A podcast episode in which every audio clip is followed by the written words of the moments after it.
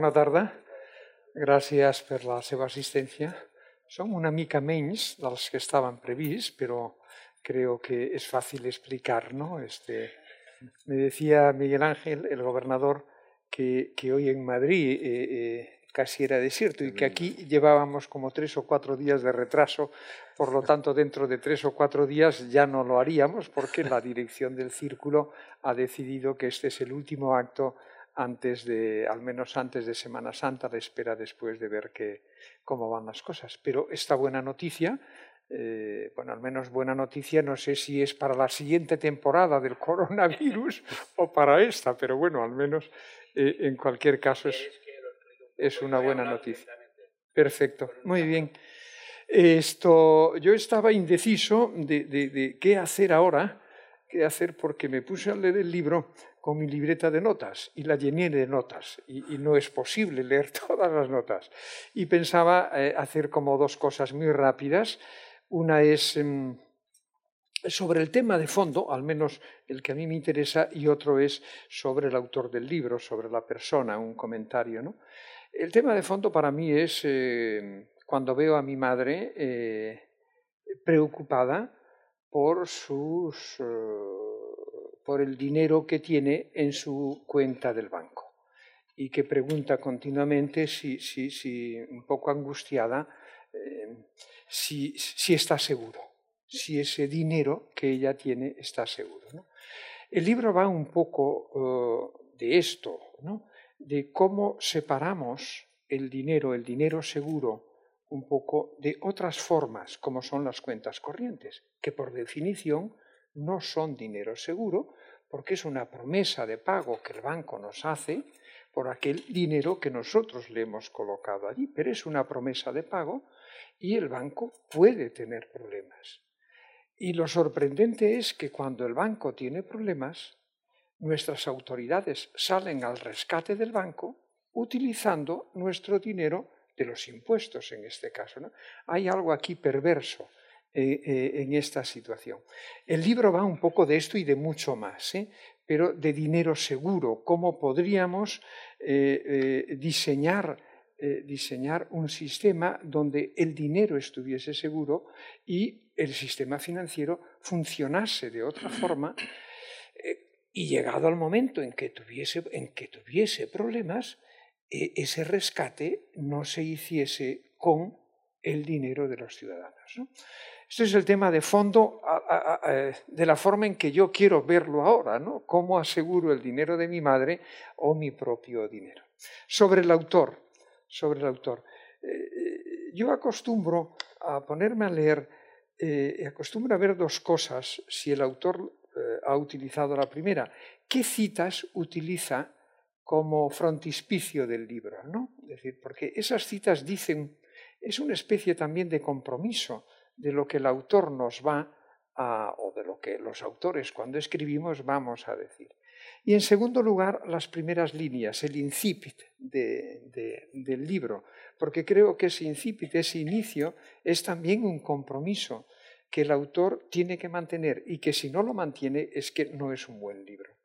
Las citas son las siguientes, las, como esas claves de bóveda son, elige una cita de Mark Twain, una cita de John Maynard Keynes y una cita de José Luis Borges. Y las tres citas yo creo que definen bien a nuestro ponente de hoy, nuestro invitado de hoy, a Miguel Ángel, al gobernador. La de Mark Twain es la siguiente. Siempre que te encuentres al lado de la mayoría, es hora de hacer una pausa y reflexionar.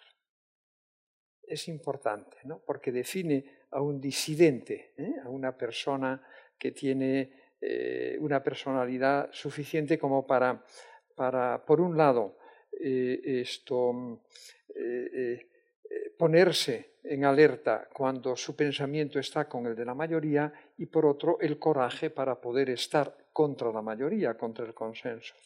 La de John Maynard Keynes es eh, la dificultad no radica en las nuevas ideas, sino en escapar de las antiguas, que se ramifican en cada rincón de nuestra mente. ¿no? De nuevo, el disidente, ¿no? la persona que tiene esa capacidad eh, para, para, para alejarse de lo antiguo ¿eh? y el coraje para mm, asumir lo nuevo. ¿no? Y por último, la de Borges, que es Dios les permite a los hombres soñar cosas que son ciertas. ¿no? yo creo que estas tres citas definen bien, insisto, ¿eh? a mi juicio, a lo que es eh, esa personalidad disidente. Mi opinión es que toda sociedad, si quiere avanzar, debe tener un manojo, no muy numeroso, un manojo de disidentes, porque sin disidencia no hay avance, ni en las organizaciones, sea cual sea la organización, ni en la sociedad en su conjunto. Eh, esa mezcla de rutina ¿eh? y de disidencia es fundamental. Si domina de forma absoluta la rutina, eh, las organizaciones no avanzan. Si hay un exceso, una saturación de disidencia, es peligroso, porque puede entonces dominar la, la revolución y la revolución al final es una fiesta que siempre acaba mal. ¿no? Este juego yo creo que está muy bien. Eh, para mí, Miguel Ángel Fernández Ordóñez, el gobernador, para mí, eh, es una persona que siempre he estimado a lo largo de los años en que he tenido la, la fortuna de conocerla. ¿no?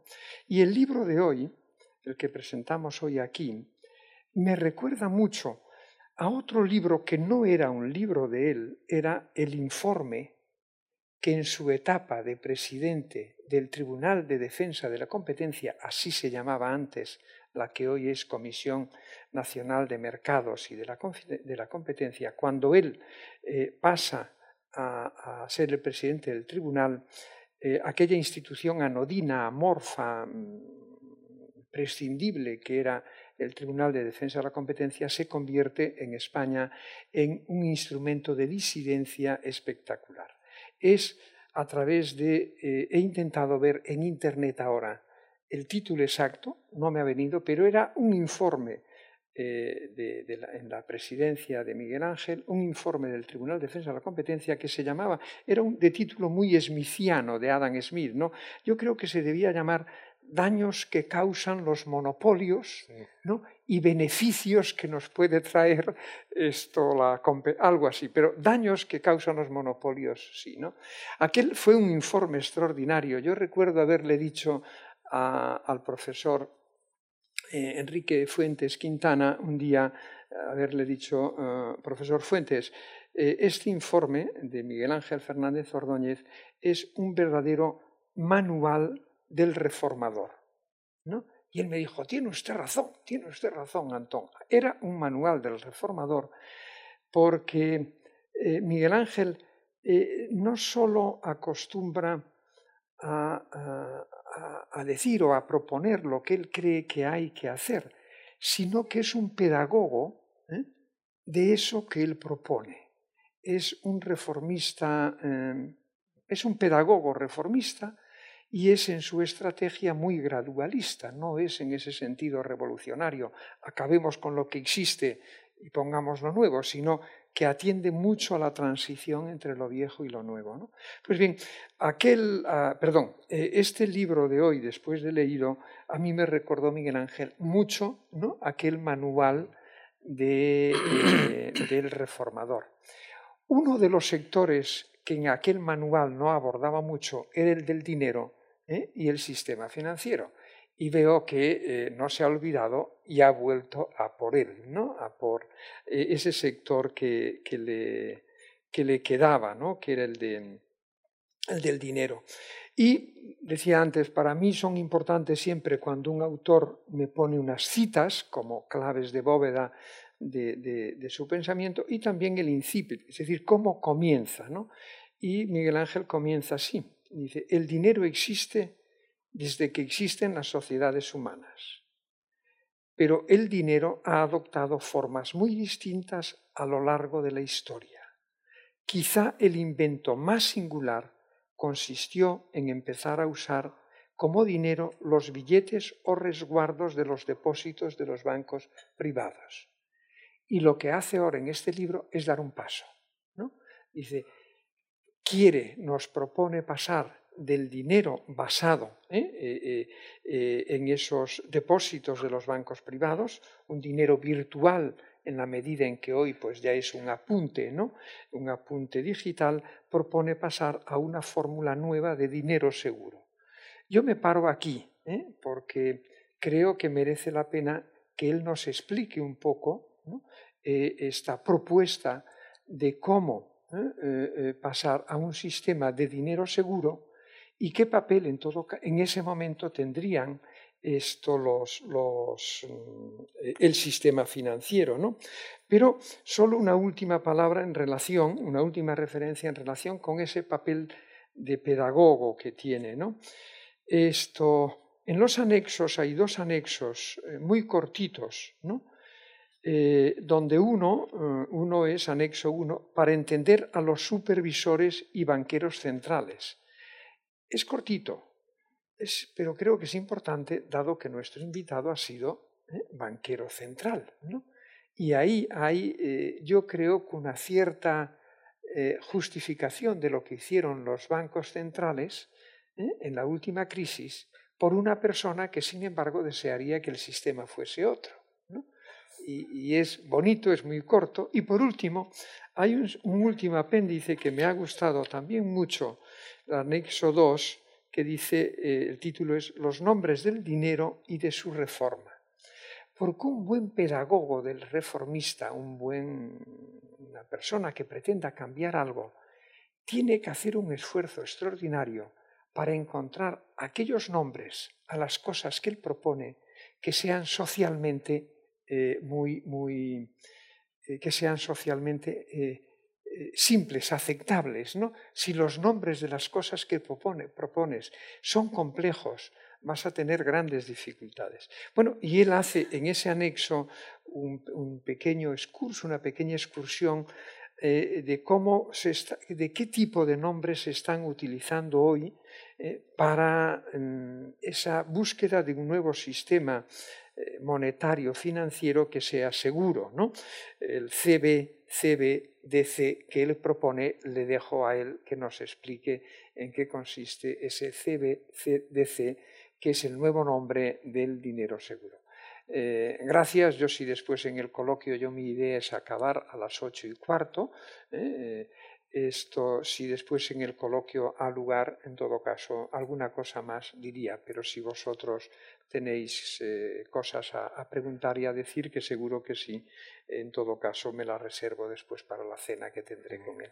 Muchas gracias, Miguel Ángel. Gracias. Gobernador, es un placer tenerte de nuevo aquí, una vez más, y tener el privilegio de, poder escucharte. ¿no? Pues Imagino que los banqueros privados no deben estar como muy contentos. Pero algunos no y otros sí. Algunos no y otros sí. Muy bien. Muchas gracias, Miguel. Pero no, gracias. Eso es lo primero antes de, de empezar a comentar un poco, ¿no? Y, en la línea en la que tú has empezado, dar, las gracias a, a, vosotros, porque viniendo de Madrid, conseguir un, un, un, número como este es un, es un éxito, vamos, no lo consigue nadie, ¿no? Y haber venido, os doy las gracias, y al círculo, y a Antón, Antón no darle las gracias porque siempre que nos vemos nos recuerda al amigo común que nos presentó y, que es una de las mejores cosas que hemos tenido en la vida, ¿no? que es Ernest Juk. Sí, sí. Entonces, eh, el estar contigo pues es una, es una satisfacción por, por recordarle a él. ¿no?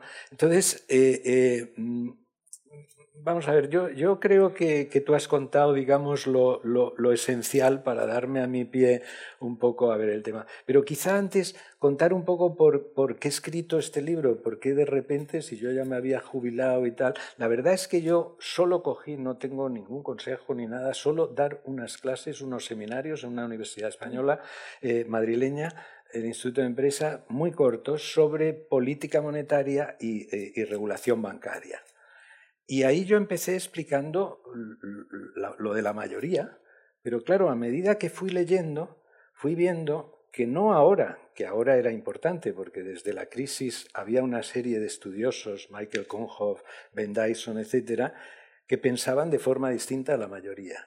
Pero no solo eso, de forma distinta en el sentido de ver que el sistema actual basado en los depósitos bancarios es un sistema frágil, es un sistema que lleva a crisis bancarias, impide la política monetaria y además impide la liberalización de la banca, por decirlo rápidamente. Es decir, es un mal sistema. Como decía el, gobernador King, que fue el que, como a mí le tocó la crisis, el Banco de Inglaterra, le escribió un libro antes que se llamaba El fin de la alquimia de los bancos, un poco jugando con lo mismo, diciendo lo que los bancos pretenden es hacer alquimia, escoger una cosa a corto y ganar dinero poniéndola a largo, pero claro, al final esto no funciona. ¿no? Y, daba, lo que pasa es que luego daba unas recomendaciones, como siempre, remiendo. Pero él tiene una cita cuando presentaba el libro que decía que eh, de todos los sistemas monetarios y bancarios posibles, lo que sí tengo la seguridad es que el que tenemos es el peor de todos. O sea, que era, ¿no? Y esto era Mervyn King, gobernador del Banco de Inglaterra, ¿no? También como yo después, ¿no? Porque cuando uno está no le da tiempo a pensar en nada, sino que tiene todo el rato que ver cómo entierra a los muertos, salva a los otros, etcétera, ¿no? Sobre todo en un momento de crisis, ¿no?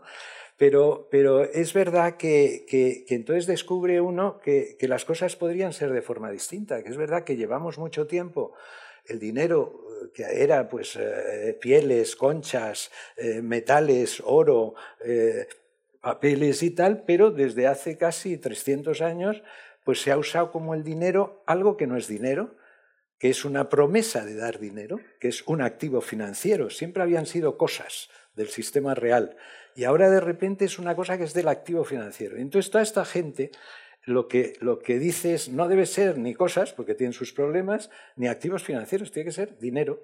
Y por tanto el dinero es seguro si deja de ser una promesa de pagar dinero. ¿no? Entonces es más o menos esto, pero entonces uno descubre, porque se pone a leer, que eh, aunque la mayoría de los economistas siempre ha defendido la banca y el sistema porque era privado, etc., ha habido una serie de economistas muy respetables que han denunciado esto. Desde David Ricardo, cuyo último panfleto, su último escrito es en contra del dinero frágil bancario, a, Hayek, bueno, hay cinco premios Nobel, Hayek, Milton Friedman, Edward Prescott, Maurice Allais y tal, que han atacado siempre los problemas de la banca, pero han sido minoría. Es decir, al final siempre se ha vuelto eh, eh, a qué? Pues a un diagnóstico que una vez que uno ve esto de que las cosas podrían ser de forma diferente, porque ninguna de las ideas que hay aquí es mía. O sea, todo el mundo dice lo, que propone, es lógico, ¿no? Porque si he escrito un libro, pues usted lo propone. No, yo lo he leído y lo que hago es contar lo que ha escrito esta gente porque a mí me ha parecido enormemente interesante, no solo por la solución, que es que el dinero en vez de ser privado sea público y por tanto no tiene crisis bancarias. El dinero en los depósitos de un banco privado puede salir bien o puede salir mal, pero el dinero en los depósitos del Banco Central es como los billetes ahora. Los billetes, ¿no? Los billetes son seguros porque son públicos. Uno tiene un billete de 50 euros, lo mete en el armario, lo saca dentro de tres años y son 50 euros. Uno mete 50 euros en el banco eh, privado y si las cosas salen bien, no es 50 euros, pero si salen más puede ser 30 o 20. En realidad, en realidad, lo que sucedía hasta el siglo XIX, en que empieza el Estado a proteger a la banca, es que los bancos quebraban como moscas. Y entonces en el siglo XIX se decide que por lo menos los billetes, que eran billetes de bancos privados, en su mayoría, sacan una ley, después de unas discusiones enormes entre la Currency School y la Banking School y tal, la ley Peel en 1844 dice, a partir de ahora los billetes todos los hace el Banco Central. ¿Pero cómo? ¿El Banco Central? Todos los billetes. Pero esto, pero esto es, de repente, pues si era bueno esto de los billetes privados, sí, pero los billetes nunca producen crisis. Un billete sigue siendo billete, el dinero existe. Y esto en, en definitiva es muy sencillo, es decir, pues lo que produce crisis, que es los depósitos, Póngalos usted en el Banco Central, porque los depósitos en el Banco Central no pueden tener crisis. Y esta idea, insisto, viene siendo muy vieja. La, la, más importante es esta del siglo XIX, cuando se decide que por lo menos los billetes sean públicos. Y en cambio los bancos se ponen a hacer depósitos, entonces la mayoría eran billetes, pero ahora se ponen a hacer depósitos.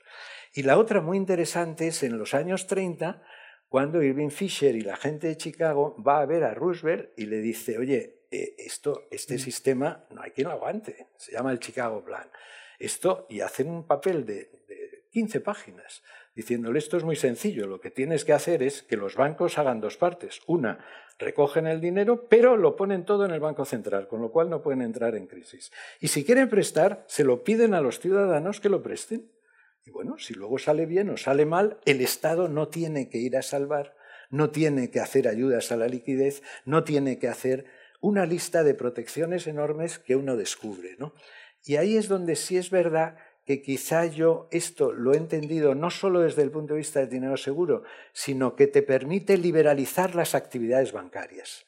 Que ahora, al estar unidas con el dinero, las actividades de préstamos o las actividades de servicios de pago están totalmente monopolizadas y no cabe la innovación, no dejamos que nadie entre y que las preste. ¿Por qué? Porque, hombre, porque tú tienes que proteger a la banca, porque es que el que no proteja a la banca, pues eh, lo que tenemos es un desastre. O sea, todo esto de no meta dinero usted en la banca, la banca hay que meter dinero, hay que dar ayudas a la liquidez, hay que prohibir a la gente que tenga el dinero en los bancos centrales, que es la primera de las grandes protecciones, que es que los bancos pueden tener dinero en los bancos centrales, pero los ciudadanos y las empresas no.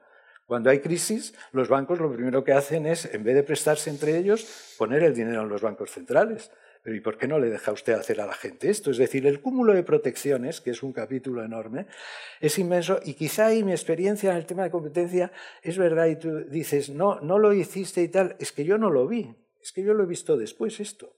Es que yo durante mucho tiempo he creído que esto en los bancos era normal, tener el depósito ahí y tal, hasta que uno empieza a darse cuenta que tiene tres problemas graves el sistema actual, que se resolverían con lo que propone esta gente. ¿no? Y que son, uno, las crisis bancarias. Las crisis bancarias son devastadoras, son devastadoras. Las crisis económicas o crisis financieras, porque se habla de la crisis financiera internacional, no, de la crisis bancaria. Las crisis financieras no bancarias duran dos años, tres años. Se hunde la bolsa un 25% en 1987 y hasta el PIB, hasta el PIB ni lo nota. y a los tres años el índice está arriba y se acabó.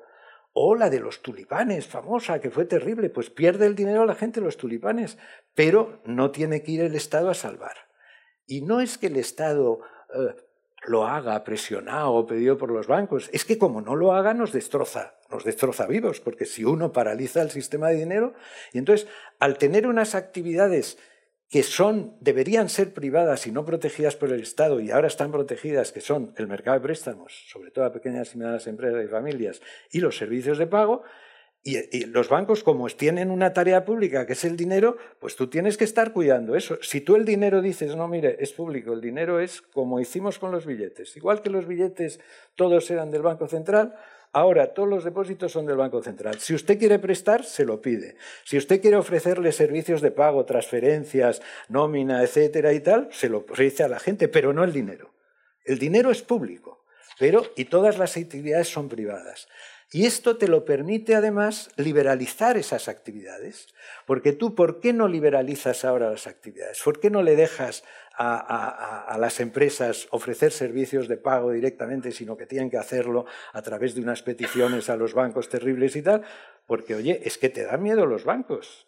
Es que lo que yo hago al final de que tú decías, citabas, es que yo digo que lo que han hecho los supervisores, y tú dices, y tú también, pues y yo también, está bien hecho porque mientras tú tengas un sistema el dinero es frágil, que es como una copa de cristal, tú tienes que tener un cuidado infinito y tienes que ayudar a los bancos y tienes que darles liquidez y tienes que prohibir que la gente tenga depósitos en el Banco Central, porque es que si no se van todos en dos minutos y me han hundido el resto. Es decir, son dos sistemas Mientras tengamos un sistema de dinero frágil, hay que ayudar y no liberalizar a los bancos, facilitarles el monopolio, aumentarles el seguro, como se ha hecho en Estados Unidos, de 100.000 dólares a 250.000 dólares. Todo esto no lo tiene nadie del sistema financiero. El resto del sistema financiero está totalmente liberalizado. Ni protecciones ni regulaciones fuertes. La bolsa, los hedge funds, los fondos de inversión, cualquier eh, tema del sistema financiero tienen normas de protección del consumidor, protección del inversor, transparencia, auditoría, etcétera, pero no le dicen, como le dice el Estado a la banca, cómo tiene que dar los préstamos, a quién. Tú no le des un préstamo, entre comillas, a una pyme porque no tiene colateral. Y entonces tú tienes que dárselo a alguien que tiene, bueno, oye, pero a lo mejor tres personas que se llaman Bill Gates, no sé cuántos y tal, y que van a pedir un préstamo, pues deberían tener derecho a tener el préstamo y no solo el que tiene una nave o tiene una casa, que es como tenemos montado ahora el tema, porque entonces lo que estás favoreciendo es un tipo de préstamos y no otros. ¿no? Entonces, todo eso es un problema. El otro problema es el de la política monetaria. Porque una de las cosas que yo he descubierto con esta gente, y sobre todo a partir de un artículo del año 2014 de un agente del Banco de Inglaterra, aunque esto se sabía y tal, pero la mayoría de lo que hemos estudiado tú y yo y todos eh, es que el Banco Central crea el dinero y se multiplica. En los bancos privados lo único que hacen es multiplicarlos, la teoría del multiplicador. Es falsa totalmente. Los bancos no son intermediarios. Los bancos crean el dinero. El dinero en nuestro sistema lo crean. Cuando uno va a dar un préstamo y le pide un préstamo al banco, el banco puede no tener ese dinero, porque lo que hace es yo te doy un préstamo, 100.000 euros, y te pongo aquí en una cosa que dice 100.000 euros. Y eso me lo reconoce el Banco Central y todo el mundo. Luego ya veré cómo financio si no tengo reservas y tal, que además no necesito la totalidad porque necesito mucho menos y tal.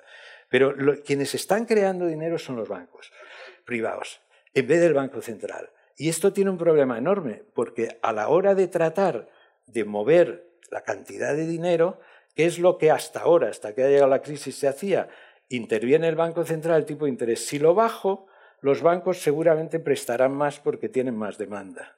Y si lo subo, prestarán menos porque disminuirá la demanda. Entonces controlamos la política monetaria subiendo y bajando. ¿Qué ha pasado? Que durante el fase de ascenso de la crisis no funcionó. Y teniendo unos tipos y tal, el crédito saltó a, cantidades espectaculares. ¿Por qué? Porque el banco se iba metiendo, el banco privado, una burbuja. A él le importaba, digamos, lo que fuera, qué puede pasar en el conjunto de la economía. Yo presto a este señor a una casa, resulta que valía un millón de euros y cuando ha pasado un tiempo vale un millón doscientos. Dice, bueno, pues entonces puedo y puedo más y puedo más, porque el valor de los activos y entras en burbujas especulativas. Pero luego eso se rompe. ¿Y qué pasa? ¿Vamos a tratar de que la economía se recupere? Pero como los bancos son los que crean el dinero y además solo lo pueden crear dando créditos, yo te doy un crédito y creo dinero, entonces el problema es que como la gente está endeudada hasta aquí, por más que bajo el tipo de interés, no consigo que aumente la cantidad de dinero, que es lo que nos ha pasado. Y por eso ha tenido que venir el quantitative easing y todo, porque no ha funcionado, porque hemos llegado hasta la aberración del tipo de interés negativo, que no existiría nunca si el mercado estuviera liberalizado yo y tú nos damos un préstamo y tal, en ningún momento el que, el, que, presta diría, oye, yo es que quiero prestarte para que tú me devuelvas menos de lo que te he dado. O sea, esto es, esto es, es como decía el presidente de la Asociación Española de Banca, que estuvo conmigo en el banco, era el director de regulación, dijo, esto es un contradios. Esto, esto, no, esto no, no, no, no es razonable, ¿no? Entonces, ¿y qué pasa? Que ha fracasado. ¿Cómo es la política monetaria si es el Banco Central? El Banco Central es el que crea el dinero, ve la cantidad de dinero que hace falta para mantener una inflación del 2% y lo crea y se lo da a los que están en las cuentas corrientes, a los ciudadanos, que harán con ello lo que quieran, comprarán, invertirán, harán lo que sea y tal, pero son ellos los que lo van a decidir. El Banco Central pierde poder en el sentido en que pasa a ser exclusivamente un registro y él nunca va a tener dinero, porque el dinero dice que hace falta crearlo, pero inmediatamente lo pasa a los ciudadanos. Con lo cual tiene unas ventajas enormes de corregir los temas de inflación, corregir no sé qué, porque la gente vuelve a recibir dinero que ha sido usado para expandirlo por encima del 0%. ¿no? Entonces, tiene unas ventajas enormes porque la política monetaria hoy es indirecta y inefectiva. Y en cambio la política monetaria en un sistema de dinero público es directa y efectiva. Si yo, la gente, ¿y qué, es lo que sucede ahora? Una de las cosas que vamos a ver ahora en estos años va a ser que la forma de dar dinero de los de este sistema se va a usar ahora porque la otra no funciona y es la llamada uno de los partidarios de esto es un liberal que alguno eh, que sea más mayor reconocerá, y era un tipo fantástico que era Milton Friedman. Y Milton Friedman tiene el Program for Monetary Reform, donde dice cómo se debe hacer la política monetaria es dándole el dinero a la gente y no a los bancos para que presten, porque además así me aumenta la deuda, porque yo estoy dando dinero sin aumentar la deuda. ¿Por qué tenemos un sistema que es subsidia la deuda totalmente? El señoriaje, por ejemplo, se lo quedan los bancos. Si tú tienes este sistema, el señoriaje vuelve a los ciudadanos o en un sistema como el actual donde el señoriaje va al Estado, pero va al Estado además sin deuda. ¿no? Entonces ese es el segundo problema de este sistema. Y el tercero es la falta de innovación y la falta de competencia en las actividades bancarias, fundamentalmente préstamos y, servicios de pago. Los bancos hacen muchas más cosas, pero ya las hacen en bastante competencia con el resto, ¿no? Eh, gestión de patrimonio, eh, fondos de inversión, venta de no sé qué, etc. Hay otra serie de cosas donde tienen ya alguna competencia. En otros países, en España, el 90% de los fondos de inversión lo controlan los bancos, pero en otros países hay más competencia y ese no es el problema. El problema está en el mercado de préstamos y en los servicios de pago sobre todo, que es donde ahora ha, saltado este tema, porque ahora este tema, o sea, yo escribí el libro diciendo, voy a contarles ah, porque eh, es lo que yo he leído de estas cosas y que la gente no lo conoce, que por lo menos lo conozca, ¿no? Pero claro, es que el 18 de junio del año pasado Facebook dice que va a lanzar la moneda Libra y entonces se ha organizado una revolución intelectual que antes yo monté un blog para contar estas cosas, el año 18, y yo contaba lo que se escribía y eran dos cosas al mes, tres cosas al mes. Desde que ha empezado lo de Libra, yo no sé si cerrar el blog, porque son tres cosas al día. Y cuando digo cosas, digo un paper, por ejemplo, como el del Banco Central Europeo de Ulrich Bensley en enero, donde reconoce todas estas cosas, lo que pasa es que le da miedo porque dice, uy, si hacemos esto, la gente se va a llevar el dinero a los bancos y vamos a tener corridas de depósitos y tal. Dice, pues es verdad. Pues es verdad, si usted lo hace así, porque es que el, tema de esto al final es que es incompatible el dinero público con el dinero privado. Habrá que ver qué se hace con los bancos. Es decir, y, yo, como tú decías, como soy moderado, creo que habría que hacer una reforma estructural de ayudarles a que se transformen para actuar en competencia. Que dejen de ser una actividad sometida a monopolios súper protegida del Estado no hay ningún sector más protegido en la economía que la banca. Y esto es algo que yo he descubierto hace tres años. Yo es que, ¿Por qué? Porque damos por sentado que la realidad es esa. Y entonces, pues es lo de, lo de Borges y otro, ¿no? Y, ¿Por qué? Porque nos dedicamos, yo creo, lo que decía Einstein, al, al conocimiento. Dice, el conocimiento es importante, pero es más importante la imaginación.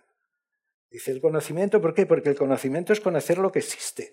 Pero en el fondo los grandes economistas, y yo creo que estos en parte lo son, como Adam Smith, es pensar qué pasaría si quitamos los aranceles y quitamos los monopolios. Y pensar eso que como sabes, nuestros ilustrados, algunos de ellos como Campomanes, del que copié el título ese de Remedios Políticos para evitar los daños creados por los monopolios, que era una cosa de uno de sus informes y tal, eh, eh, era un mercantilista y vamos, y era absolutamente, y no se le ocurría como a Montesquieu que podías tener la separación de poderes. Lo que tenías es que ayudar a un rey a, a gobernar bien, pero no discutías el poder del rey ni nada, ¿no? La reforma a la democracia liberal es una cosa de estas. Yo a veces he pensado que yo me veía como un español que le llega en el siglo XVIII el libro de Montesquieu y dice, oye, qué interesante es esto, ¿no? Tiene a Carlos III con todo el poder absoluto y tal. Y dice, oye, pero este tío dice que esto puede ser distinto, que los jueces pueden ser separados y el legislativo y que se puede elegir y tal, ¿no? Y yo pensaba que esto era una cosa para dentro de décadas. Pero lo de Libra ha cambiado el tema. Todo el mundo digamos, profesional, el Fondo Monetario, las, eh, eh, esta dimensión, los bancos centrales, el 70% está estudiando el tema. Eh, muchos de ellos, como el Banco de Suecia, van a experimentar con elementos limitados de, como tú decías, se llama en inglés, y estos imponen siempre las palabras CBDC, Central Bank Digital Currency. Es decir, tú metes CBDC en Google y te aparecen esos cuatro papers diarios que es que ya no sabes qué hacer, ¿no? Porque todos son. Y esto es un poco el, tema, es decir, ahí hay tres problemas que esto lo resolvería y, bueno, pues el tema es eh, probablemente lo que vamos a ver ahora es cómo se hace la transición, cómo se empieza con reformas limitadas, ¿no? Solo al cash, ¿no?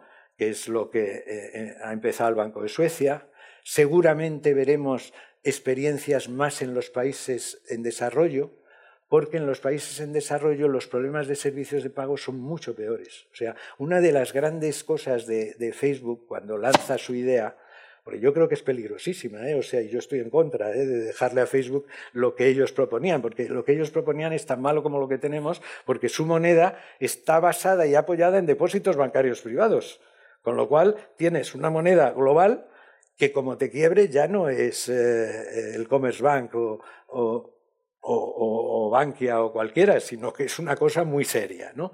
Pero la propuesta de, Facebook, cuando dice en el mundo hay 1.700 millones de personas que no tienen una cuenta bancaria, ni la pueden tener, porque el coste, ni hay ni nada, pero y que no pueden, por tanto, hacer transacciones y transferencias a su amigo para comprar otra cosa y tal. 1.700 millones de personas que tienen un móvil que vale 30 euros. Y yo, igual que hago el WhatsApp y he pasado a lo que antes eran las conferencias, que eran carísimas y tal, y no sé qué y tal, ahora se pueden hacer. Y puedes hacer los mensajes. Yo a estos le voy a dar la posibilidad de mandar a su hijo en Australia 30 euros sin que le cobren de comisión 88. ¿no? entonces, eh, eh, eh, entonces es muy probable que esto empiece. De hecho, en China es la, que lo tiene más avanzado y ya lo ha experimentado con sus dos grandes empresas de pago, con Alibaba y Tencent. Y por tanto, esto a mí me han hecho polvo, porque yo decía que esto era una cosa que nadie sabía y entonces ahora resulta que está hablando medio mundo de ello y, el debate, sin duda, yo creo que va a ser, va a ser fascinante, interesantísimo para los que nos divierte esto de la competencia y de, y de todo esto. ¿no? Entonces, no sé si esto vale, Antón, como, como introducción a, a, lo que queráis. ¿no? Muy bien. Eh, yo creo que el, tenemos tiempo, además. Estoy seguro que tenéis eh, muchísimas eh, a la espera de leer el libro. Tenéis muchas ya cuestiones en, en la cabeza, preguntas, ¿no? Eh, personales en el sentido de que no necesitan tener un, apoyo técnico, pero, pero sí una curiosidad, o, que detrás tienen una curiosidad o una inquietud. ¿no? Eh, os, dejo el, os dejo la entrada. Sabemos que ya tenemos una vacuna, pero ya veremos. Muchas gracias por la información. Hola, buena tarde. Eh, soy Josep de Marfa. Las citas muy interesantes y, muy bien escogidas, pero claro, son del Talmud. O sea que evidentemente son muy buenas y, muy bien escogidas, pero llevan 3.450 años y todavía son vigentes, parece mentira. Y yo hasta, cuatro, hasta hace cuatro días era el presidente del Consejo de Administración de Caixa Catalana Sociedad Cooperativa. Eh, embrionaria, pero ya con contactos internacionales, y eh, que si se asociara que esta eh, sería la idea, o ellos querrían con, ANC Omnium, pues tendría mm, un volumen importantísimo. La pregunta es, mm, por el título más que por el coloquio, ¿tendrán cabida todavía o otra vez entidades financieras parecidas, con este nombre o no, pero parecidas a las eh, anteriores cajas de ahorro. De hecho, hay una en el mundo que es importantísima, Desjardins. Es eh, una caja de ahorros como, como lo que teníamos aquí en España antes y es la principal entidad financiera de uno de los países más ricos, adelantados de todo el mundo. Eh, quizá lo que tendría que hacer esta, esta nueva entidad financiera que están surgiendo, ¿eh? en Croacia, en Holanda, en Dinamarca, en Noruega, están surgiendo. Lo que tendría es que acercarse un poco al concepto de banca ética. Esta sería la pregunta y, y, será muy interesante su respuesta. Muchas gracias. Vamos a ver, yo lo, lo, lo que creo que es malo de, de los bancos no es las actividades bancarias, no es dar préstamos, no es dar servicios de pago. De hecho, hay una frase, hay otra cita que meto ahí, que, eh, que, a mí me gusta decirla en inglés, porque la diré en inglés y en español, pero es de Bill Gates, y muy antigua, casi del 97, que dice, eh, eh, We need banking, but we don't need banks anymore. Nosotros necesitamos lo que hacen los bancos, es muy importante, dar préstamos, dar servicios de pago. Lo que no necesitamos es que esto lo haga una entidad que a su vez tiene el dinero de toda la economía. Entonces, si separamos esto, las actividades, evidentemente, si el dinero lo dejamos a nivel público, y es público y por tanto seguro y por tanto no tengo problemas, aquí saldrán numerosos intermediarios de todo tipo para dar préstamos porque lo que habrá es que convencer a la gente que tiene dinero para dárselo y entonces en medio surgirán como en todos los mercados cantidad de intermediarios. Algunos con puede ser con vocación ética o con vocación de todo tipo, decir, mira, yo te garantizo que esto va a ser para pequeños empresarios de tu localidad y de no sé qué y de tal, ¿no? Pero no con el dinero, porque vas a tener que pedirle el dinero a alguien para que lo ponga. Y si sale bien, sale bien, pero si sale mal, no tiene el Estado que salvar esa operación y esa entidad. Es que este es el tema, ni tiene que darle liquidez. Ahora los miles de empresas van a tener problemas de liquidez, pero al único que puedes dar liquidez el Estado es prácticamente en cantidades importantes a los bancos. ¿Por qué? ¿No? Entonces, tú lo que haces es separar las actividades bancarias que pueden entrar en competencia, que esto es muy normal también en todas las liberalizaciones, porque yo después de todo aquello también propuse acelerar la, liberalización de telecomunicaciones, con mis líos con Borrell, pero que al final salió, y con la de transporte aéreo y tal, y todas estas liberalizaciones y tal, en definitiva, lo que todas las reformas estructurales estas han sido eh, las dos espectaculares, porque en telecomunicaciones de lo que teníamos a lo que tenemos ahora es que es, vamos, de aquello de las conferencias de qué tal, ¿no? Los 500.000 abonados de Telefónica en el momento en que se hizo otra, otra, otra y se liberalizó con Airtel y tal, en, en un año y medio había dos millones de abonados. O sea, los efectos de, y en, los, en las líneas aéreas ha sido espectacular, ¿no? Los temas de de, precios, de bajada de precios, de, destinos completamente cruzados que antes no había, etcétera, etcétera. Y todas estas se han hecho porque se descubrió que dentro de las compañías aéreas tenían un monopolio que era el aeropuerto. TUA en no sé qué, Iberia aquí y tal, y entonces no dejaban entrar a las otras. Entonces el tema fue, yo separo los aeropuertos, que es una tarea o pública que se la puede encargar en este caso a lo mejor alguien privado, pero que es una tarea fundamentalmente y aquí lo que venga todo el mundo y que compita todo el mundo. O las de telecomunicaciones igual, con las redes y tal, usted tenía atado a la gente, dice, pero ahora no, los servicios, ¿no? Separados completamente. Y, esto se parece mucho. En el fondo es hacer un unbundling, como dicen los, los ingleses, ¿no? Es decir, separar el aspecto monopólico, que es el dinero, pero el resto será igual que las cajas de ahorro, no, porque las cajas de ahorro ahora tienen dinero y ponen en riesgo el dinero, como tampoco sería factible la banca pública, que es otra de las ventajas. La banca pública tiene el mismo problema de fragilidad que tienen los bancos privados. Luego estará mejor o peor gestionada, pero la banca pública, como hemos visto en España y tal, donde no solo han quebrado las cajas de ahorros, sino también otros, otros bancos, lo que pasa es que también es verdad que por la gobernanza se consiguieron soluciones pues que prácticamente facilitaban las cosas, mientras que las cajas con su sistema de gobernanza impidieron hacer bien la, reestructuración, ¿no? hasta que se convirtieron en bancos y entonces ya dejó de haber problemas. Pero que evidentemente siempre que, que entran nuevas tecnologías y liberalización, cambia radicalmente todo el mundo de los intermediarios. Un sector que no estuvo regulado, que es el de las agencias de viaje, pero en el momento en que entró Internet y las posibilidades, ¿Qué es lo que hemos visto? Pues plataformas como Booking, TripAdvisor, etcétera y tal, ¿no? Donde las cosas funcionan de forma distinta, porque ya no son las tres estrellas, es que cuando uno mira un hotel ve 176 comentarios del tipo que ha dicho, no, es que este hotel, el parking al que yo fui cuando estuve en Sicilia, está a 700 metros. Eso no te lo decía la, la estrella. Entonces, tiene unos sistemas de rating ahora mucho mejores. Tú cuando vas a un hotel y lo haces tú desde tu casa, sin ninguna agencia y tal, tienes muchas más. Pues esto pasaría en el mercado de préstamos, porque habría uno que se especializaría en esto, el otro en lo otro, el otro en no sé qué.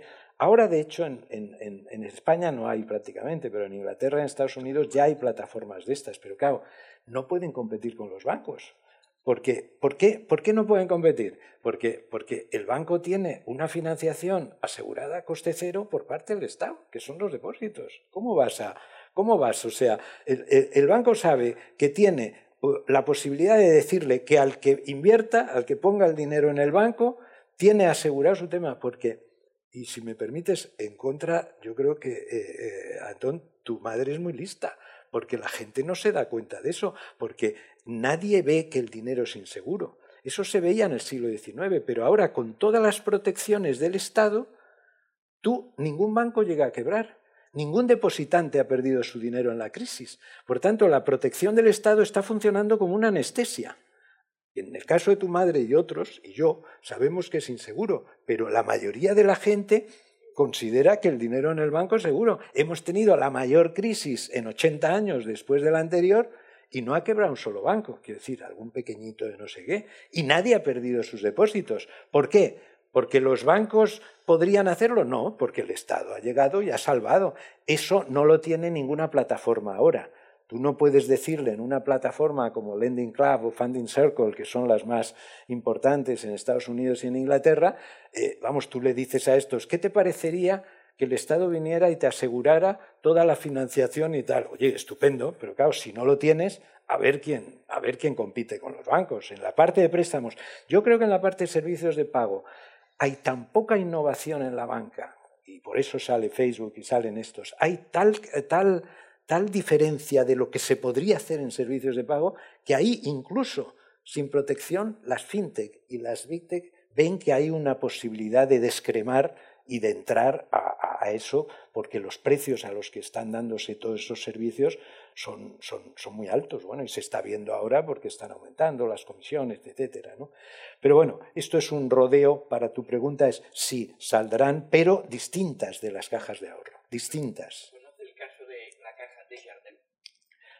tiene la envergadura de Santander o Bilbao. Sí, sí, no. tiene ni una sola acción y es ético. Es banca ética. No, no, pero si a mí, si a mí, si a mí eso y conozco, bueno, y hay muchas alemanas y algunas suiza y tal que tienen el mismo planteamiento y tal. Lo que digo es que esas tienen dinero inseguro, las que yo conozco. Yo no conozco la de Jardín, pero la mayoría de ellas, la mayoría de ellas, el dinero ese es inseguro en la medida en que si está bien invertido, porque claro, en condiciones normales no hay ningún problema.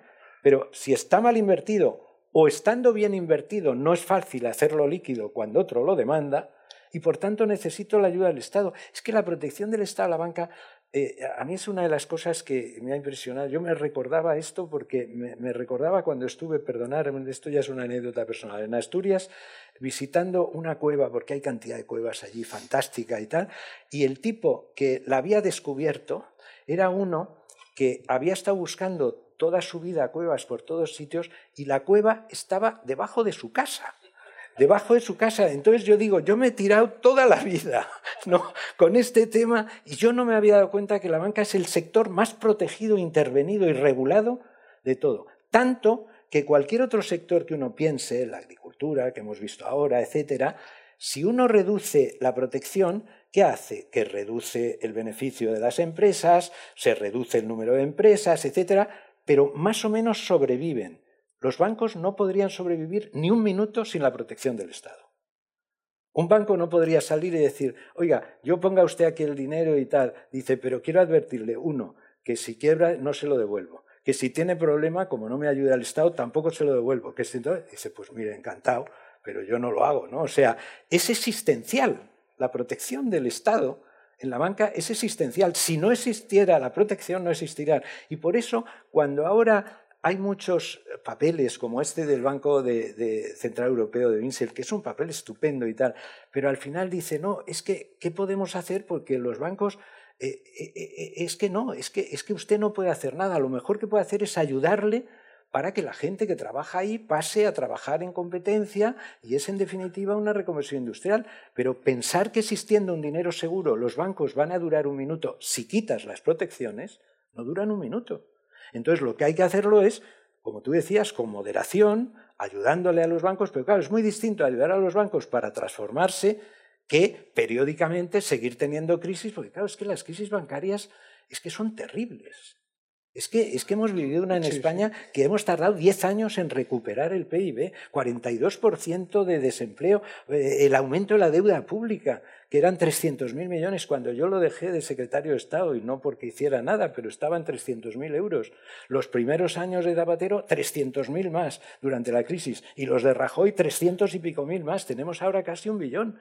Eso hay que pagar porque la gente se mira a los 60.000 millones que se ha ayudado para los bancos. Si eso es de risa al lado de los 600.000 millones que vamos a tener que devolver por la crisis bancaria. Los efectos macro, los efectos de empleo son terribles, ¿no? Es un, yo creo que por eso algunos como Mervin y yo que lo hemos vivido de cerca, estamos muy preocupados con las crisis, yo aprovechando la experiencia de la mesa quería hacer una pregunta. Antón Costas hace unos meses escribió en La Vanguardia un artículo muy interesante que decía que Europa necesitaba un plan Marshall. Y ahora con la crisis del coronavirus sale desde la presidenta europea Merkel, antes de ayer el señor Sánchez, incluso ayer nuestro presidente Torra, diciendo que al empresario y a la gente en general que no se preocupen, que si el turismo no tiene clientes, pues que pondrán dinero, que si empresas mandan a la gente al paro, que pondrán el dinero, etcétera, etcétera, para tranquilizarnos, porque claro, según que gente dice que esto puede ser mucho peor que el 2008. Entonces yo quería saber cómo se va a hacer o cómo que pensáis que se puede hacer para evitar que verdaderamente esta crisis sea la crisis. Es decir, cómo esas promesas que hace, porque yo no entiendo cómo el Torra promete dinero cuando el Generalitat no tiene un duro, pero es igual, lo prometió ayer por la, la televisión pública. ¿no? O sea, ¿cómo se va a hacer para evitar que evidentemente todo este paro que va a haber, porque por ejemplo Semana Santa, por ejemplo, está perdida en España, en Francia, en Italia, en todos lados, ¿no? ¿Cómo se va a hacer? ¿Cómo, cómo se puede hacer? Y cómo la presidenta europea y Merkel, pueden, incluso Merkel dice que en Alemania va a asegurar a las empresas liquidez tal y cual para que no pase nada. Me gustaría saber un poco qué pensáis. como esa, perdona Antón, como esa es muy difícil, te la paso a ti. Voy, voy, voy a hacer una cosa, como hay varias peticiones ya, voy a acumular un poquito para, para, para, favorecer, para dar lugar a que cada uno de los que han pedido puedan expresar un poco su pensamiento. Eh, después paso a Miguel y si tenemos más tiempo, si no, el, vis a vis eh, probablemente me va a llevar a que no tendrán todos el tiempo para poder expresar la opinión. Eh, de momento, sí al lado, sí también, y aquí. Buena tarde, eh, gracias Miguel Ángel. Me pude leer ayer un poco el libro y la verdad es que me ha parecido muy interesante. Eh, quería hacer dos, dos, preguntas rápidas. La primera es, eh, en la página 168, lo digo por si a alguien también le interesa, usted hablaba de la sabiduría de los directores de banco versus las nuevas modalidades de concesión de préstamos en referencia al, al automatismo. Em, me ha parecido entender, no, no ha entrado mucho en el, en el, tema ético de las nuevas valorizaciones y me gustaría un poco saber su opinión al respecto porque también pueden invocar a sobre todo un poco de discriminación o cómo se, se atiende a, a estos nuevos eh, requisitos. Y el segundo tema es, aprovechando el título del libro, eh, hay muchos ciudadanos en este país, en Cataluña y en, y en España, que han dicho adiós a los bancos, pero no por decisión suya, sino porque los bancos se han ido de, su población. Y el tema de la exclusión financiera es ya una realidad, sobre todo cuando uno se aleja de las grandes urbes. Entonces, con lo que hablaba usted de la liberalización y de la modernización de la banca, eh, ¿usted cree que liberalizando los bancos que se han ido de estas poblaciones eh, pueden volver no en el formato tradicional, pero sí en, en otros. Muchas gracias. Muy bien, aquí a continuación.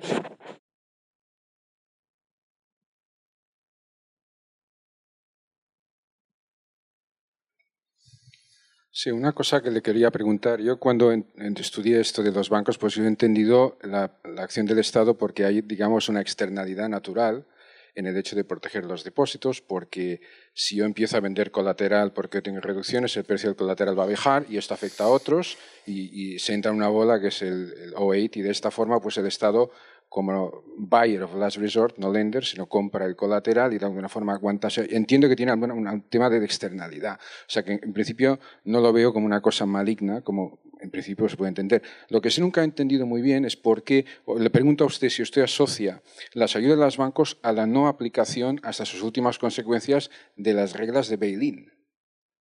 Porque claro, cuando se ayuda a los bancos quiere decir a quién se ayuda. Se ayuda a los, los, los accionistas han desaparecido, pero para una razón que yo todavía no he entendido nunca, se ha querido siempre proteger a los bondholders senior.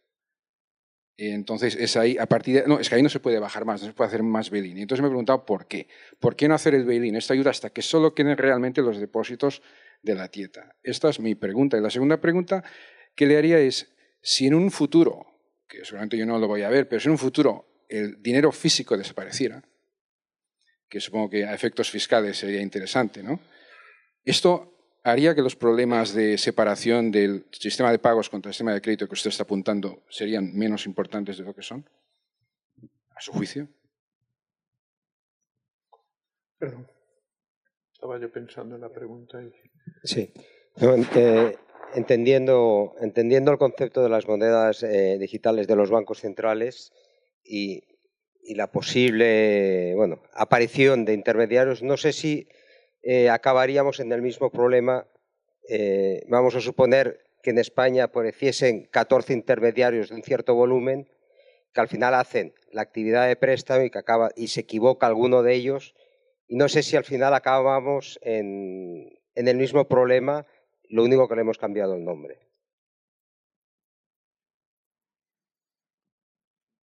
¿Alguna otra de momento? Yo tengo alguna, pero me reservo. Sí. ¿Contestamos? Sí. sí, adelante. Sí, vamos a ver. No, lo, lo, lo de la sabiduría de los directores de oficina, ¿no? que era un poco algo que los bancos decían hasta hace nada, ¿no? Es decir, no, es que los directores de oficina sabe quién es Pepe, sabe quién es Manolo y por tanto es el que está esto. Esto lo decían antes, ya no lo dicen, porque ¿qué sucedió? Que empezó a haber fintech, sobre todo todo esto ha tenido más lugar en los países en vías de desarrollo, ¿no? Donde han utilizado otros métodos de scoring que es, yo no conozco a nadie, por ejemplo, una que se creó fundamentalmente para África y sur de Asia, que dio préstamos prácticamente a un millón de personas, préstamos pequeños, a pastores etíopes, a otro de India, etcétera y tal, sin conocer a nadie, exclusivamente pidiéndole que pudiera saber el uso del teléfono móvil en un mes, no a quién ha llamado ni qué ha dicho y tal, ¿no? Y a partir de ahí crearon un algoritmo de inteligencia artificial en el que, más o menos, simplificando, llegaron a la conclusión de que si uno tiene muchos contactos y muchas llamadas, devuelve los préstamos. Y el que tiene pocos menos. Y resulta que funciona. Y resulta que le dan un crédito a una persona sin saber absolutamente el director de oficina si es Pepe o Manolo, pero si realmente tiene muchas personas, pues probablemente es alguien más fiable que una persona que no contacta con nadie y tal. Y los eh, impagos de este banco, vamos, de esta, no era un banco porque era realmente eh, era un, era un private equity, era una, era, el, fondo era un fondo privado y tal, pero muchos menos impagos que los bancos. Esto los bancos eh, lo saben, quiero decir, los bancos ahora están cerrando oficinas en cantidad y están utilizando métodos de scoring que no es PP, Manolo, están utilizando cantidad de cosas que nos permite la nueva tecnología. O sea, que esto es, es por lo que yo hablaba de cómo las nuevas tecnologías pueden cambiar de alguna forma y, permitir hacer cosas sin necesidad del conocimiento del el director de la oficina. El otro tema que tú has sacado es un tema muy importante, que es el tema de la inclusión. Es el tema, pero es curioso porque eh, eh, eh, normalmente la idea, digamos, populista o llamemos no sé qué, es que el mercado no se ocupa de los pobres, de los más desfavorecidos y tal. Bueno, pues la experiencia no es esa. O sea, la experiencia es cuando hemos liberalizado un sector como el transporte aéreo, cuando yo vivía en Estados Unidos en el 78, que no estaba liberalizado, ir a Los Ángeles eh, costaba mil y pico dólares y ahora vale 120.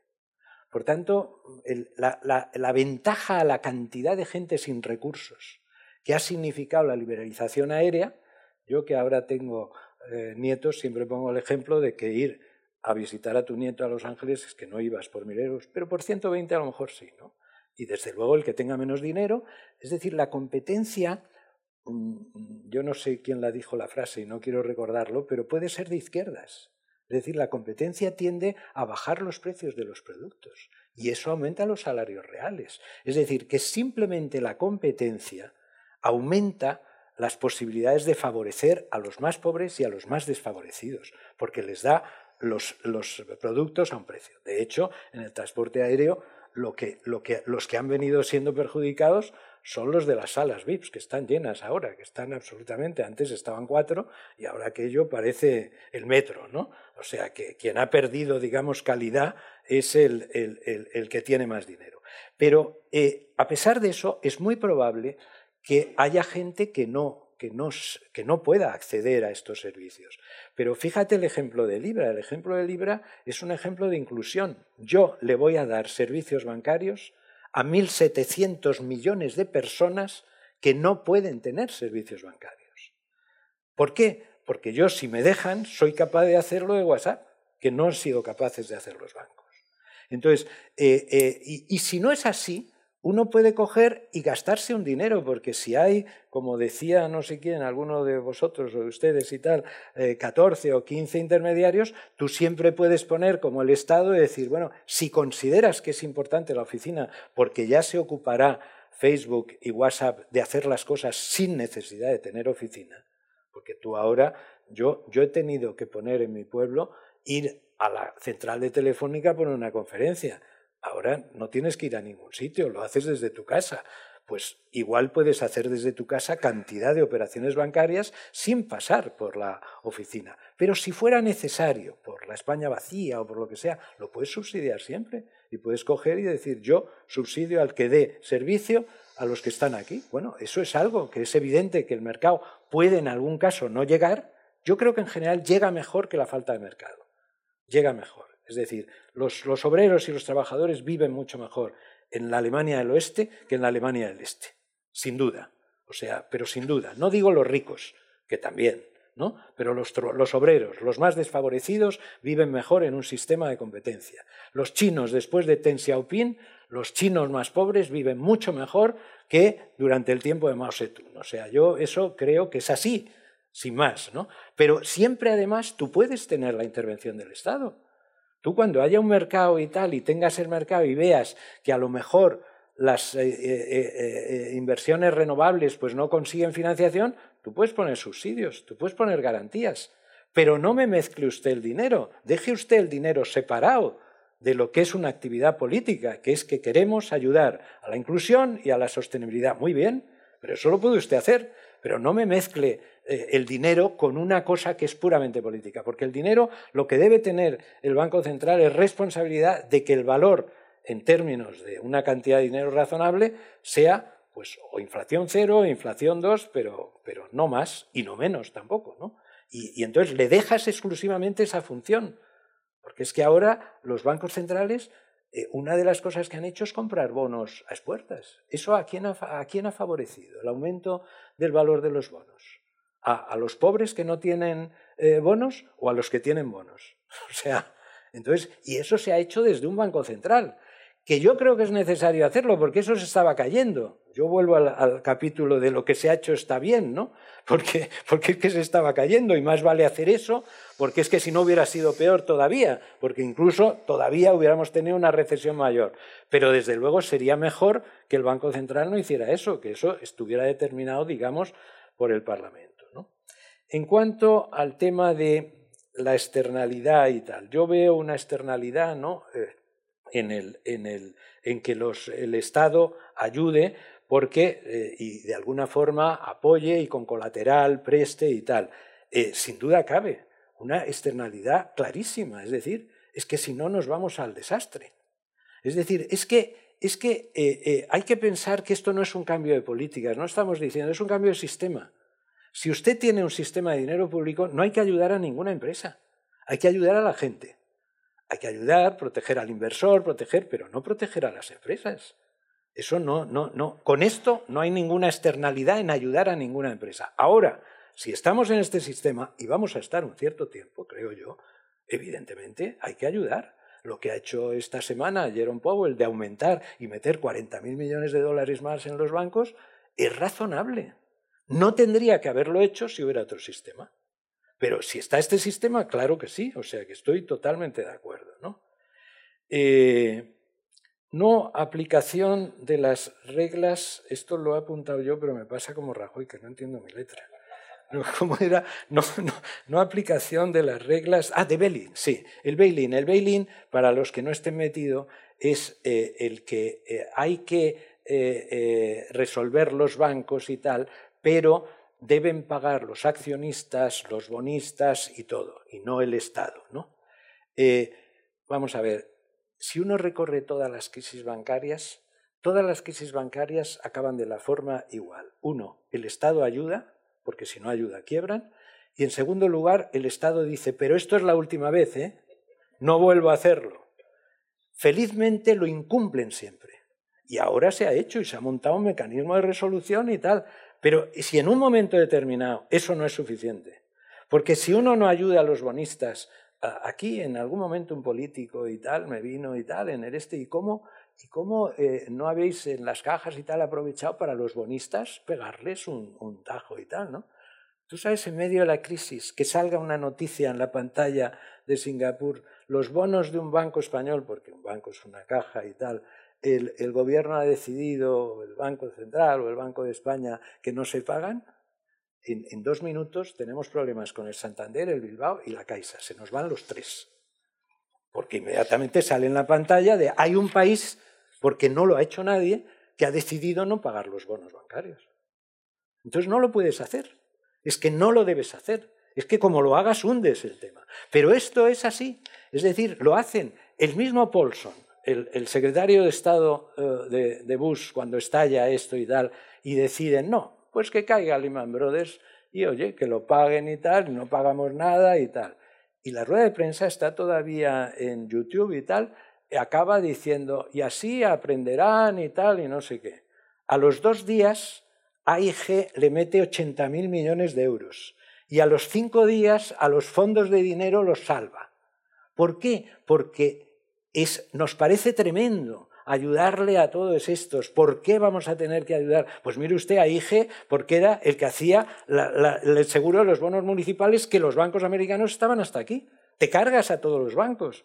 Y si no defiendes a los fondos de dinero, que es por lo que esto has tenido que apoyar no solo a los bancos, sino a los shadow banking, a los fondos de dinero, a las aseguradoras que no son bancos. ¿Por qué les ayudas? Porque si el banco pierde la financiación de los fondos de dinero, se va al cuerno. y por tanto, tú tienes que hacerlo. Ahora, que es muy bueno y tal decir, no, pues a partir de ahora no se va a hacer, yo quiero verlo en la próxima. Porque si hace falta y no lo hace, ese gobierno es un irresponsable y nos lleva al colapso. Por tanto, lo harán. Lo harán, por mucho que digan que no lo harán, porque es que hay que hacerlo porque es que es bueno en este sistema. Si usted tiene el otro sistema, usted no tiene que ayudar a ninguna empresa, usted no tiene que salvar a nadie y está Acciona y está Pescanova y tal, y ahí se cierra y tal, habrá que ayudar a los trabajadores, a no sé qué y tal, pero tú no tienes por qué. Es que en, los, en, en el sistema bancario la quiebra no existe, se crean los modelos de resolución. Y como decía uno, que no recuerdo eh, quién era, pero que me hizo mucha gracia, es que decía, es que un capitalismo, en este caso era los bancos, dice, un capitalismo con quiebra es como el cristianismo sin infierno. Dice, eso no es, eso no, es posible. ¿no? Entonces, y el tercer tema era el de el, el, dinero los problemas son más importantes. Deme una pista, solo una pista. Eh, el tercer. Sí. Ah, no, el dinero físico es muy curioso porque todo esto ha coincidido con un, fenómeno y es que en algunos países, no en, España, no en Alemania, en Alemania el dinero físico eh, sorprende, es casi difícil pagar con tarjeta en los, en los eh, tranvías y tal, pero en cambio en los nórdicos, hace más frío también, ¿no? Eh, se paga casi todo y el dinero está siendo una fracción que ya pues si puede ser el 10% en Alemania, en España estará por ahí, o el 7%, pues es casi un 1, un 2%. ¿no?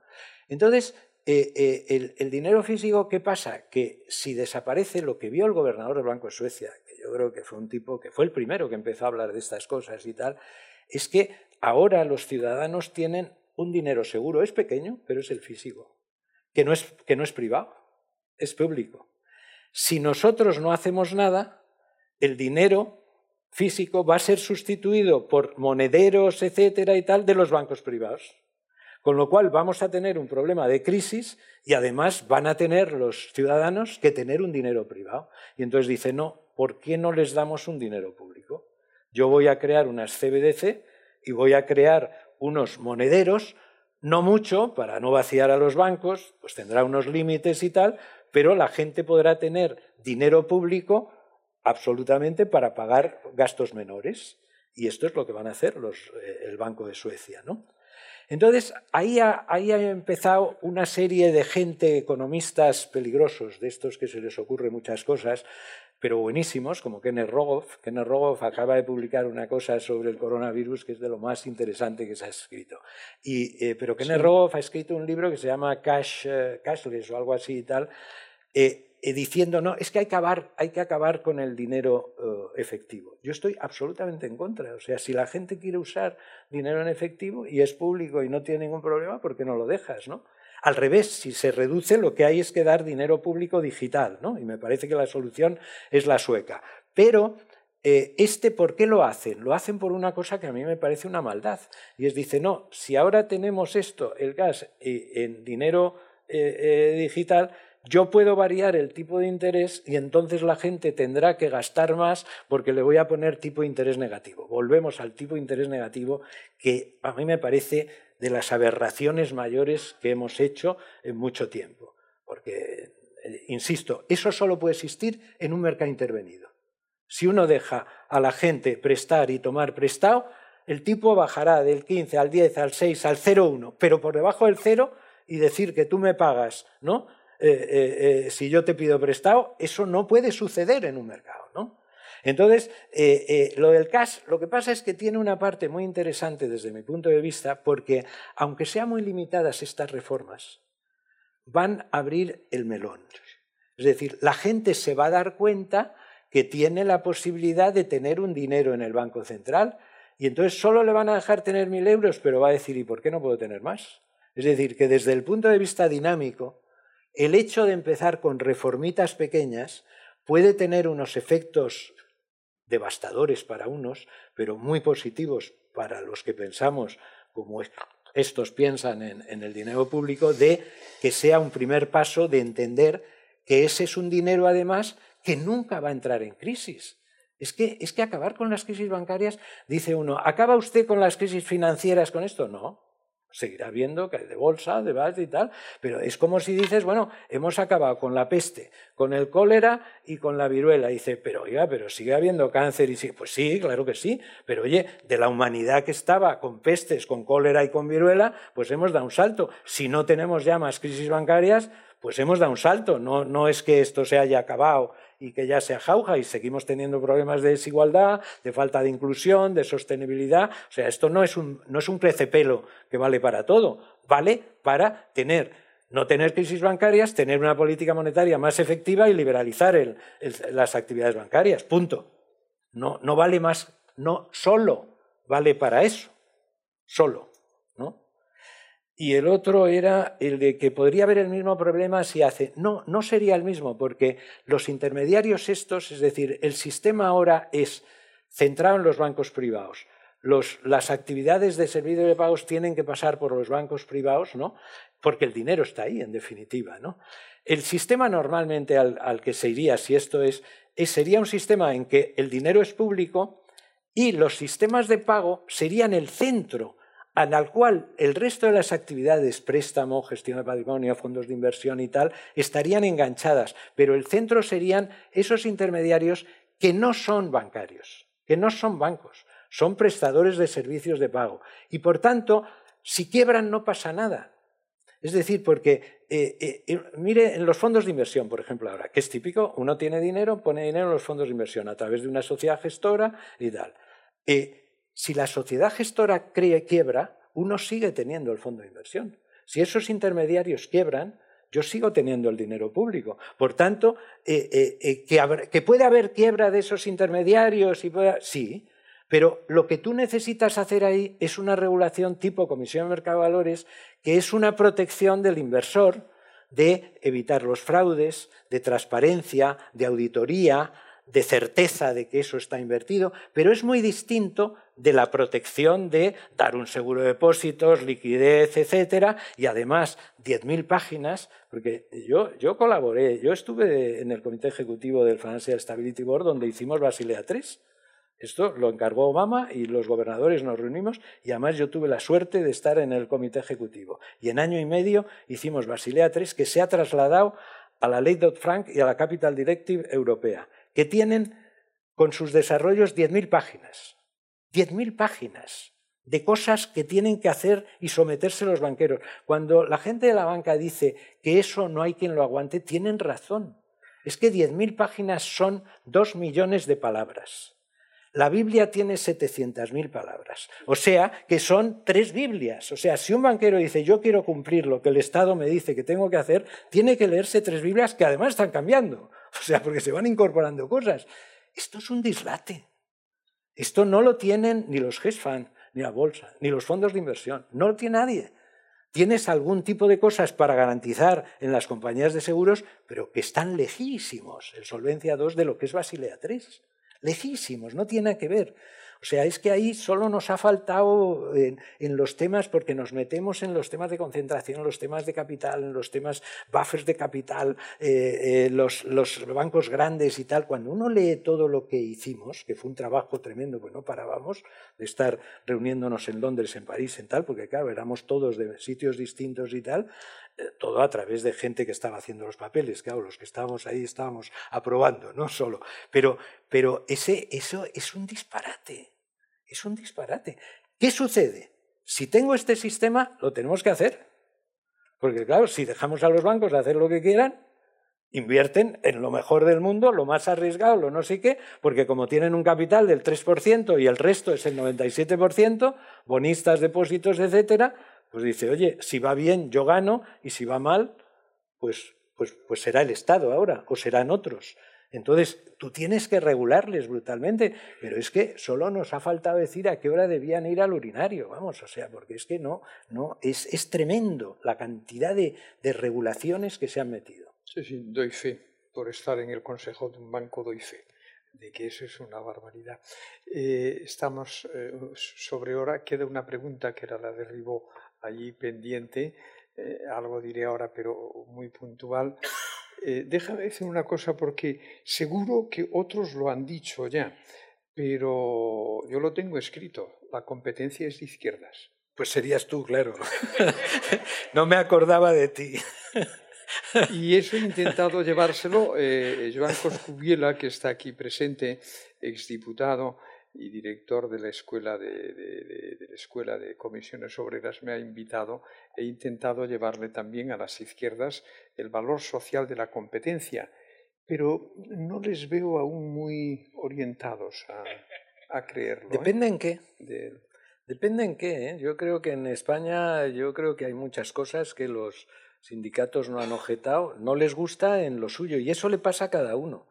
La gente quiere competencia en todos para tener precios bajos, no sé qué y tal, pero cuando llegas, ¿no? Si tú ves los eléctricos, no sé qué, oye, los proveedores, que sean en competencia, los otros en competencia, pero cuando hablas de ellos, ¿no? Y los sindicatos, lógicamente, que han conseguido en España una regulación muy protectora del que tiene trabajo, pues a mí me parece lógico que digan, oiga, a mí no me hable usted de esto, o sea, no, no lo veo, yo creo que es mucho mejor el sistema que yo tengo, o sea, y, en esto no se diferencian del resto de los sectores. Pero en sectores que no son el propio mercado de trabajo, yo no he visto a los, eh, a los sindicatos frenar eh, reformas de liberalización y tal, más que cuando afectaban a empresas concretas ¿no? que tenían que tener o que perdían trabajadores y tal.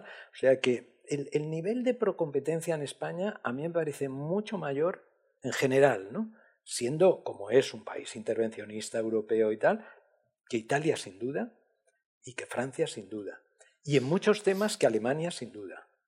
Y o sea que, que, es decir, este país liberalizó antes que nadie los horarios, liberalizó, tiene un sistema de alquileres que si no se estropea, pues es un sistema con muchas introducciones de problemas y tal, de plazos y tal, pero relativamente razonable. En todo el tema de locales es, es casi un sistema totalmente liberalizado.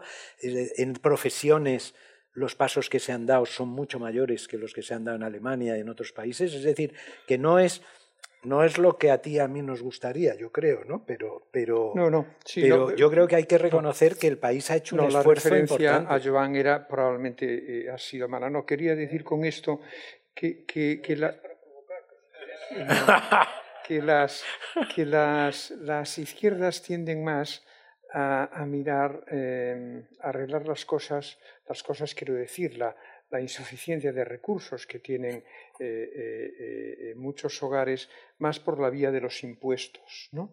Y, sin embargo, creo que podemos aumentar la renta disponible de los hogares actuando también a través de la competencia. Hace poco murió mi padre en Vigo.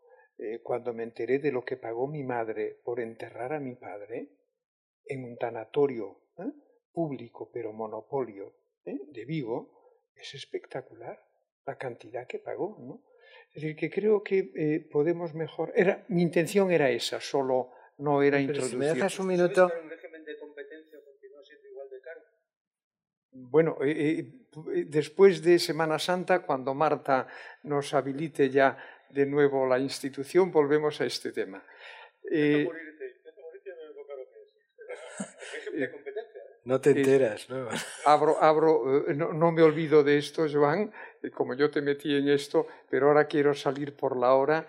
Em, el gobernador me ha hecho una faena, porque la pregunta supongo que era para ti, ¿no? Pero creo que la podría orientar, ahora lo estaba buscando, Miguel, pero no lo encuentro. Hay una parte donde tú hablas de la nueva política monetaria. ¿eh? Mm. Eh, la nueva política monetaria. ¿Por qué lo, lo vincula a lo que tú estás diciendo? Vamos a ver, ¿cuál es mi temor en este momento con respecto a, la, a la, epidemia? Que creo que vamos abocados eh, a vivir dos crisis gemelas. La crisis sanitaria, que ya es un poco una evidencia, y una nueva crisis económica. Y creo que es, va a ser inevitable porque las autoridades eh, europeas, en este sentido, eh, a mi juicio, eh, tienen, están dentro de una atmósfera mental, por decirlo así, que tiene dos elementos muy determinantes. ¿no? Por un lado, una cierta complacencia de nuevo en la zona eh, eh, central norte europea, por parte de Alemania, Holanda, Austria, una cierta complacencia de que esto no es para tanto, el no para tanto es la crisis sanitaria. Y en segundo lugar, la creencia de que la política monetaria ya no tiene márgenes, porque ha llegado a, los niveles de tipo de interés eh, prácticamente cero, que ya no tiene margen, y que la política fiscal es limitada. Claro, en un escenario mental donde tú te enfrentas a dos crisis gemelas con este esquema, eh, yo creo que volverán a cometer el error de 2010. No veo el sentido de urgencia que hay que tener para intervenir ahora, frenando ¿eh? o evitando que la economía se te desplome, porque en el momento en que se te desploma ya no er, vas detrás de ella, ya no eres capaz de evitarlo. ¿Y por qué he mencionado la nueva política monetaria? Porque eh, eh, yo no tengo confianza en lo que vayan a hacer las autoridades fiscales europeas. Insisto, creo que tienen una nebulosa eh, mental que no les va a permitir hacer mucho. El 0,3 de Italia no vale para frenar nada.